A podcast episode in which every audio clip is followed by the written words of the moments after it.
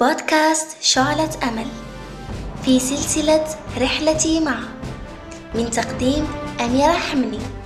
سلسلة رحلتي مع هي سلسلة تحكي عن تجربتي الشخصية ورحلتي مع بعض الأمور التي ربما الكثير منا يجد فيها بعض الصعوبات. هي سلسلة مقسمة إلى عدة حلقات. كل حلقة تحكي عن رحلة واحدة. ابتدأت بألم وانتهت بأمل. في آخر حلقة من سلسلة رحلتي مع. أردت أن يكون الموضوع هذه المرة مختلفا عما سبق عميقا أكثر مليئا بالمشاعر والأحاسيس. رحلة غيرت حياتي إلى الأفضل وبعثت في قلبي الراحة والسعادة. سآخذكم هذه المرة إلى السماء السابعة. لتكون حلقتي ختام مسك لهذه السلسلة. إذا بدون إطالة حلقتي لهذا اليوم تحت عنوان رحلتي مع الله. هي ذلك الطريق السوي الذي يؤدي إلى جنان الخلد. كلما مشيت فيه خطوة كلما تشبعت روحك أكثر برائحة الجنة العطرة انقسمت رحلتي إلى ثلاث مراحل. بداية بمرحلة التعرف على الله وعظمته وكان ذلك في أكثر لحظات حياتي حزنا. في تلك اللحظات التي شعرت فيها بأنني وحيدة. كأنه أبعدني عن الناس جميعا لأعود إليه وحده سبحانه.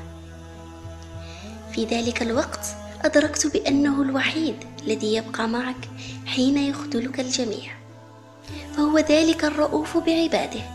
الذي يعز عليه أن يرى عبده حزينا فيتركه. ذلك الرحيم الأقرب إليك من حبل الوريد الذي يسمع نجواك آناء الليل وأطراف النهار. هو ذلك الغفور الذي لو أذنبت ألف مرة واستغفرته لغفر لك. هو ذلك السلام الذي يعتلي قلبك كلما تعرفت عليه. بعد مرحلة التعرف جاءت مرحلة التعود. فبعدما تعرفت عليه عز وجل وجدت فيه كل صفات الكمال. فتعودت أن أشكو له حزني كل ليلة وأن أكلمه بعد كل صلاة. أحكي له عن كل ما بداخلي رغم يقيني بأنه يعلم كل ذلك حتى قبل أن أتكلم. فوجدته ذلك المستمع. الذي لا يمل ولا يقاطعك الذي تلجأ إليه في أي وقت فيستقبلك الذي تبكي أمامه دون حرج ولا تخجل من الحديث مرارا وتكرارا.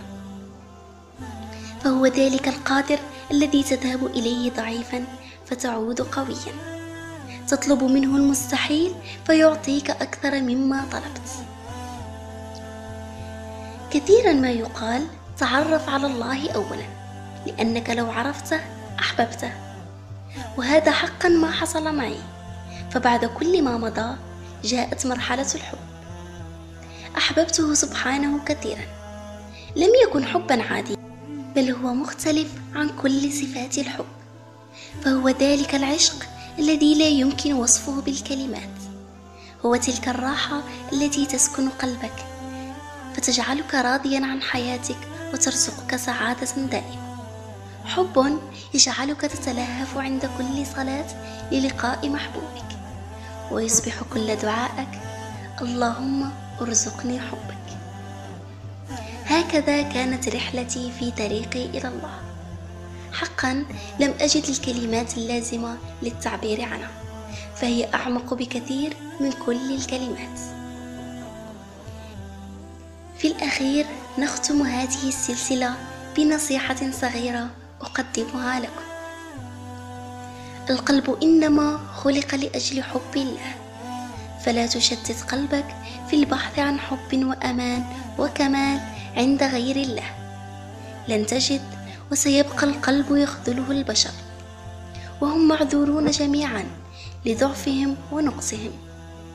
ستبقى تنصدم وتتوجع حتى تتيقن بأن التعلق الحقيقي لا يصلح إلا لله.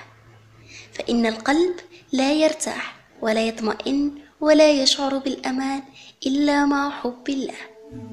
ومن أرضى الله واتقى سيرضيه الله ولو بعد حين. تيقن بذلك جيدا. أستودعكم الله الذي لا تضيع ودائعه ونلتقي في سلسلة القادمة إن شاء الله.